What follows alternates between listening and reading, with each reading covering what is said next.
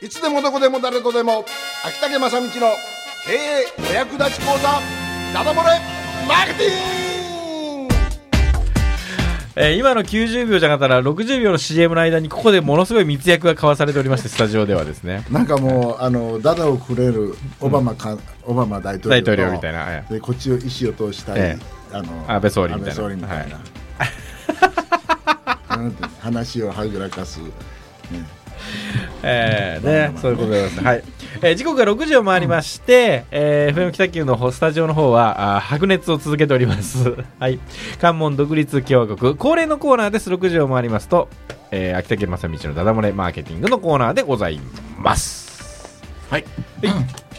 あのー今週からねまた新しいステージにあれそうでしたっけ？なったんです、えはい、先週で一応終わりまして、え。はい。で先週までは、えーオタクパワーでゆるゆるまちづくりというオタク、えー文化研、えーオタクパワー研究所の所長にお話をしていただきました。が、えーうん今日からはちょっと変わりまして、えー営業心理学。おお。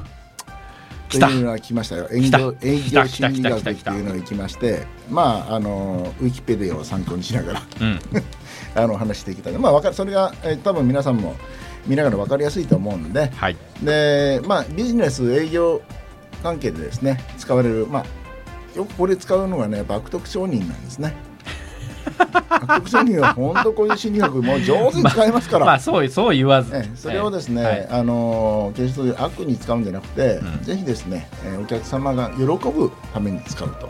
いうような形で、まあえー中小企業の皆さんにご活用いただきたいということで今回からですね私肩書き変えました。おまた？この間まではオタクパワー研究所の所長でしたけど。今度違いますよ、えーはい。あの中小零細企業のん。ブラックジャック、えー、まあまあいいです、ね。そそういうことにしておきましょおお中小零細企業の、はい。お困りの方が、はい。その無資格いいですけど、うはい。資格持ってない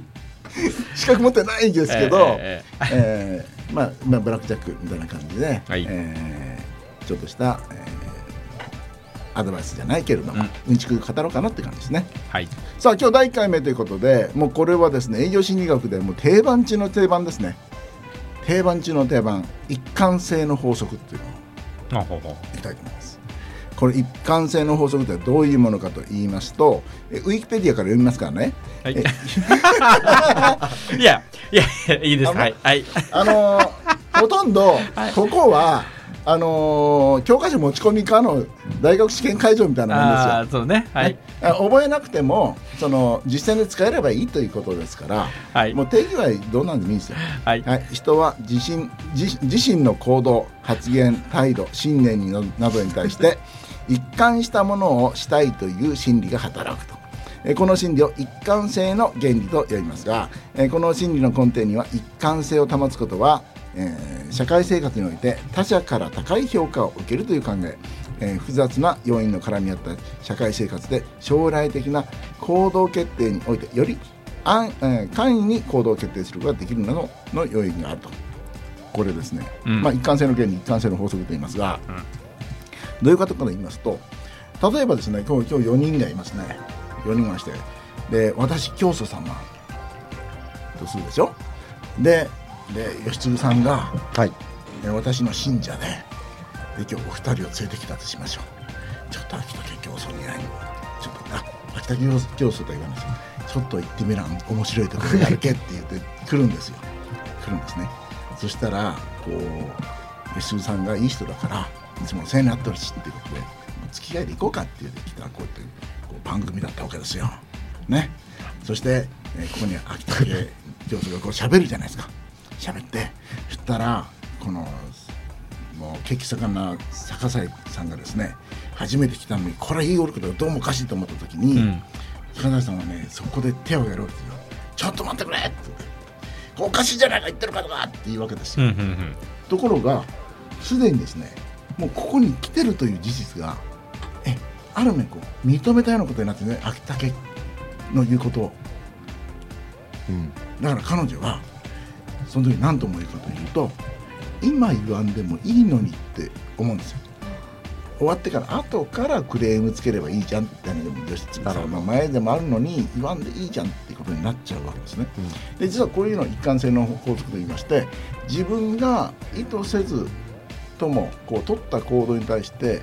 一つの方向性を保ちたいという形が生まれるわけです。例えばですね、えー、デパ地下に行きますと試食ってなりますね。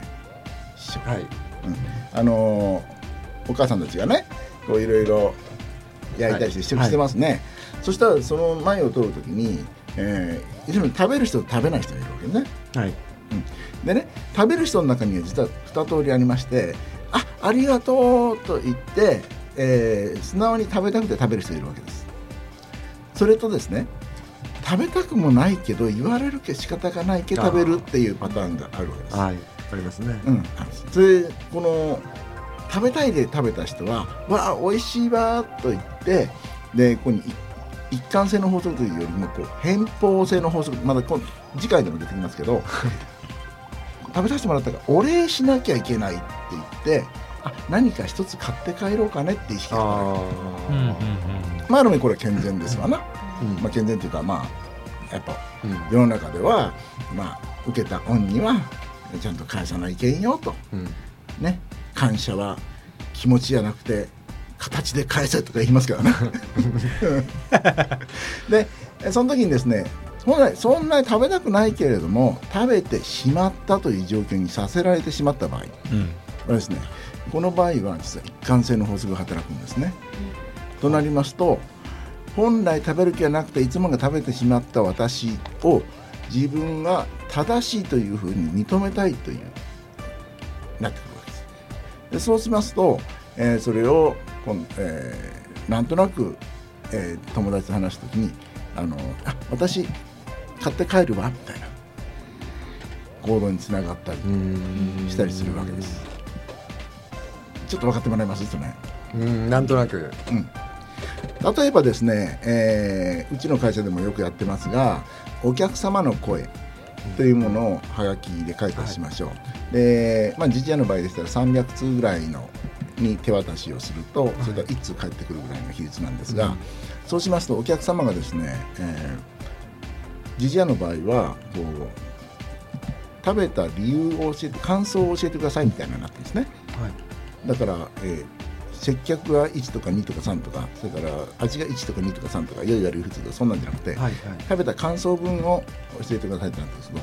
そうしますとえ 一旦食べて仮に美味しいと、え感じた時に一生懸命ですね自分でどこが美味しかったのかなとか何が嬉しかったのかなって考えて書きますよね、うん、で書いた瞬間にですね本日は一貫性の法則が働き出すんです、はい、で、まあ、それをコミットメント、うん、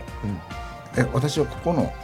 ジジアさんにコミットしましたよとか。でコミットしてしまうと一貫性の法則が働くんででこれをお手紙出すでしょ？ジジアに出しますよね、うん、えそしてでまた DM とかでそれをお手紙こう読んでるとお客様の声読んでると自分のも載ってる。あいいことしたんだ。みたいなことが働いたりして。なるほど、ね、その時に例えば 吉次さんがねで「いやージジアっていうのはとんでもない業者だね」って その方に言ったとしましょう。はいいたしましょう。なんか嫌な思いをしたんでしょうね。だからその方は何て言うか「そうよね」って一言言うんですが「でもね」って言うんです。わかります？そうよねそうよねってそんなそうよねらしいよねじじらしいよねとか言いながら「でもね」って言うんです。実はこの「でもね」以降が実はこの一貫性の法則が働いてるんですね。だから一旦自分がコミットメントしたものあるいは取った行動というものをしっかりと無意識のうちに、えー、それを続けたいという、えー、そういう心理が働くのはこれ一貫性の法則あるいは一貫性の原理と言いますがだから、えー、皆様方がご商売を、えー、要するに物を買う立場とすれば一つ目のプレゼントあたりを安易にもらってしまうと最後は何十万の布団に サインをしたり。布団にね。ね、うん、壺にサインしたりとかなっちゃう。逆にご商売人の方からすると非常にハードルの低い一歩を踏み出していただいたりお金と商品のやり取りがなくても、うん、その何か一歩行動を私たちが提案したものに対して行動してもらった瞬間にこの会社とかその商売人との一貫性コミットメントが働きますからこれを何かしてもらう。商売人はですね結構多いのが必ずいい商品は、えー分かってもらえるからそのうち、えー噂が広まって口コミが広まってっていうことが多いんですね。一生懸命こんなにやってるから、ところは基本的にそういうことはありえないまずありえない。で中にはこれは一回使ってもらえば絶対良さが分かるのにって商売人がいらっしゃる。ところが世の中の商売人はですね使ってもらえれば分かるのにと思って優秀な人は使ってもらうことを研究するんです。だけど、自信のある職人たちはとかその真面目な人たちは使ってもらえば分かるのに使う機会をじーっと待ってるのね。はい。だから使ってもらうことが難しいんですね、だからその使ってもらう前の前の前の段階でどう一歩その行動を起こしてもらってそしてそのそれが一貫性の法則が働いて、えー使ってしまうというところまで持っていけるか。えここは実は勝負の分かれ目そうなんですねそういうことを考えてこう皆されてるんですよね。考えてない人が9割9分ですね。ああ なるほど。そう。を考えるというところがねもん。うあ。商売人の,、うん。もうもう例えば99.9%はそういうことを考えてないです、だから考えあの悪徳商人っているじゃないですか。はい。彼らはなんで悪徳商人かというともともと粗悪品を売ってるって知ってるんですね知ってるんですよ、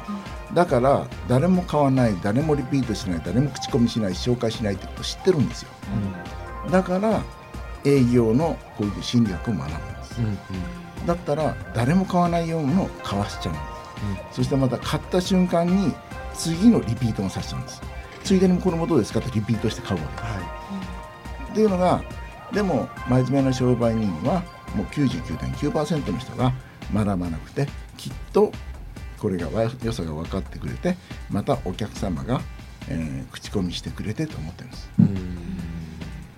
であんまり自分をこう表現しなくてですね売り込みしないんです。というのは売り込みするとあいつは売り腰が強いからと言って悪い評判が広がるぞって言われます。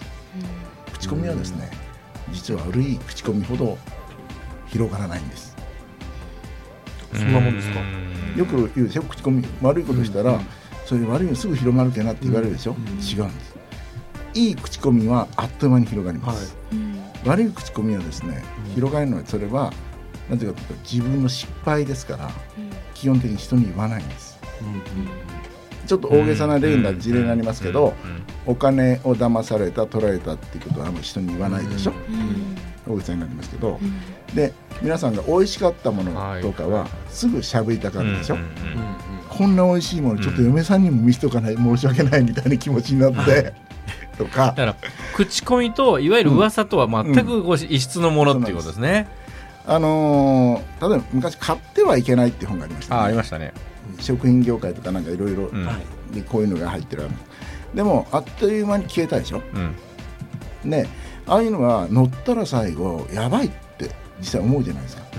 でもほんの一部で実はそれあんまり広がらないんですよ。でもいい噂情報誌に乗って美味しそうってなったらすごくあれに乗っとったよあれに乗っとったよって話になるんだよね、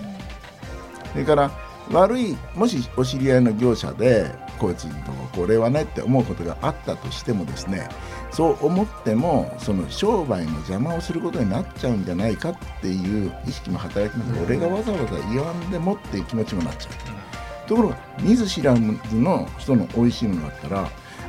ここの美味しかったよって言っちゃう。だからいい口コミはよく広がるし悪い口コミは本当はあんまり広がらないんです。でそんな中であのいいひ口コミ広がる前にまず使ってもらったり買ってもらうことが大切なのでその前に何か簡単な一つ。例えば100円商店街100円商店街っていうのをやったとするでしょ？その時にワゴンを出しましょうと。道路に通路にワゴン出しましょうと、はい。でもレジは中に置きましょうとありますよね、でそこそれは本当は、えーいろいろ中に入ってきてまで商品を紹介してもらって店を見見てもらうっていうのがあるんだけど、実はこの玄関口のこの敷居を一歩またいでもらうっていう、うん。ここなんですあそれまたげば、うん。私は入ったという一貫性コミットメントが入はい。始まるんです、うん。そうすると後で私は一回入ったことがあるからってすぐ顔が買う前がですね、そういう意識が働いちゃうんです。だから100円商店街っていうのは中に入れることが非常に大切。ね。はい。あるいはですね、バルもそううん。もっと前ではそのワゴンの中にあるものをよくあの売り子さんがですね見ていく人ばっかりでからと手に取って見てみたらその汚れるとか言われるじゃないですか。はい。これが実は大きな間違いで、うん手に取って見るとかうん。それが実うんは一貫性が働く、うんコミットメント。私はこれに興味がありますという意思を表明しましたってことになるんですね。そこから実は始まるんです。だからそれをあ今日の客は食べるばっかりでとか試食するばっかりで誰も買わんとかあるいは前に取ったら触りまくって汚れるしってかいう業者はなかなか売り上げが立たないということで、えー中小中小零細企業のブラックジャック。はい。秋竹正道のえ営業心理学第1回目はうん。一貫性の法則でございました。はい